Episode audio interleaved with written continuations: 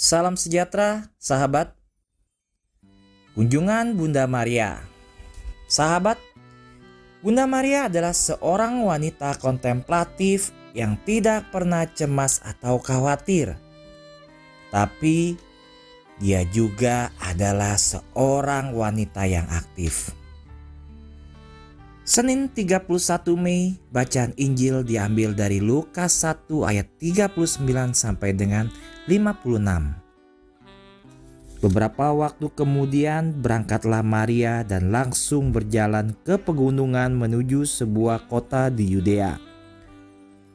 Di situ ia masuk ke rumah Sakaria dan memberi salam kepada Elizabeth. Dan ketika Elizabeth mendengar salam Maria, melonjaklah anak yang dalam rahimnya dan Elizabeth pun penuh dengan Roh Kudus lalu berseru dengan suara yang nyaring. Diberkatilah engkau di antara semua perempuan dan diberkatilah buah rahimmu. Siapakah aku ini sampai ibu Tuhanku datang mengunjungi aku.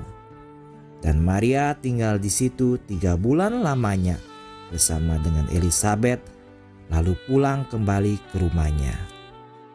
Sahabat, Mungkin kita bayangkan Bunda Maria adalah seorang wanita yang tenang dan kontemplatif yang tidak pernah melakukan apa pun dengan tergesa-gesa. Persis seperti patung orang-orang kudus yang menghiasi gereja kita. Tidak bergerak, tangan bergabung dalam doa, dan melihat ke langit. Tetapi sahabat, itu tidak tepat. Injil mengajarkan sesuatu yang sangat berbeda. Bunda Maria pergi dengan tergesa-gesa. Pada saat malaikat memberitahunya bahwa ia akan menjadi Bunda Allah, dia tidak perlu melakukan sesuatu yang istimewa. Roh Kudus akan melakukan mukjizat. Tapi ada banyak hal yang perlu dipikirkan. Bagaimana dengan Yosef? Bagaimana dengan keluarganya? Dia bisa dilempari batu sampai mati jika orang mengetahui bahwa Yosef bukan ayah dari anak itu. Bagaimana dengan mempersiapkan kelahiran Yesus Kristus? Tetapi selain semua masalah pribadi itu, dia diberitahu tentang situasi Elizabeth yang sudah tua dan melahirkan. Bunda kita seharusnya tidak perlu untuk berangkat dengan tergesa-gesa untuk membantu sepupunya itu.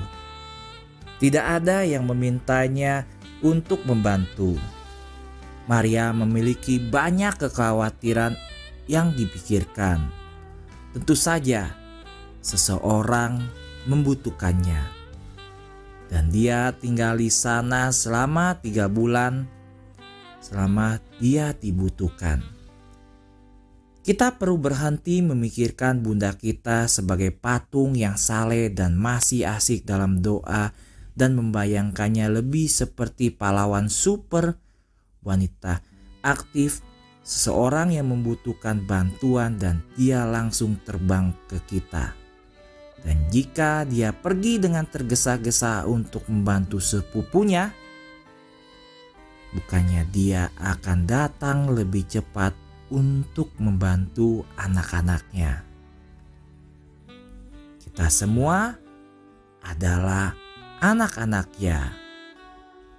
Betapa leganya hati kita, ibu, mengetahui ibu segera datang ke sisiku saat aku membutuhkanmu. Terima kasih Bunda Maria karena telah menjadi ibu yang baik. Bunda Maria harapan kita dan tata kebijaksanaan, doakanlah kami.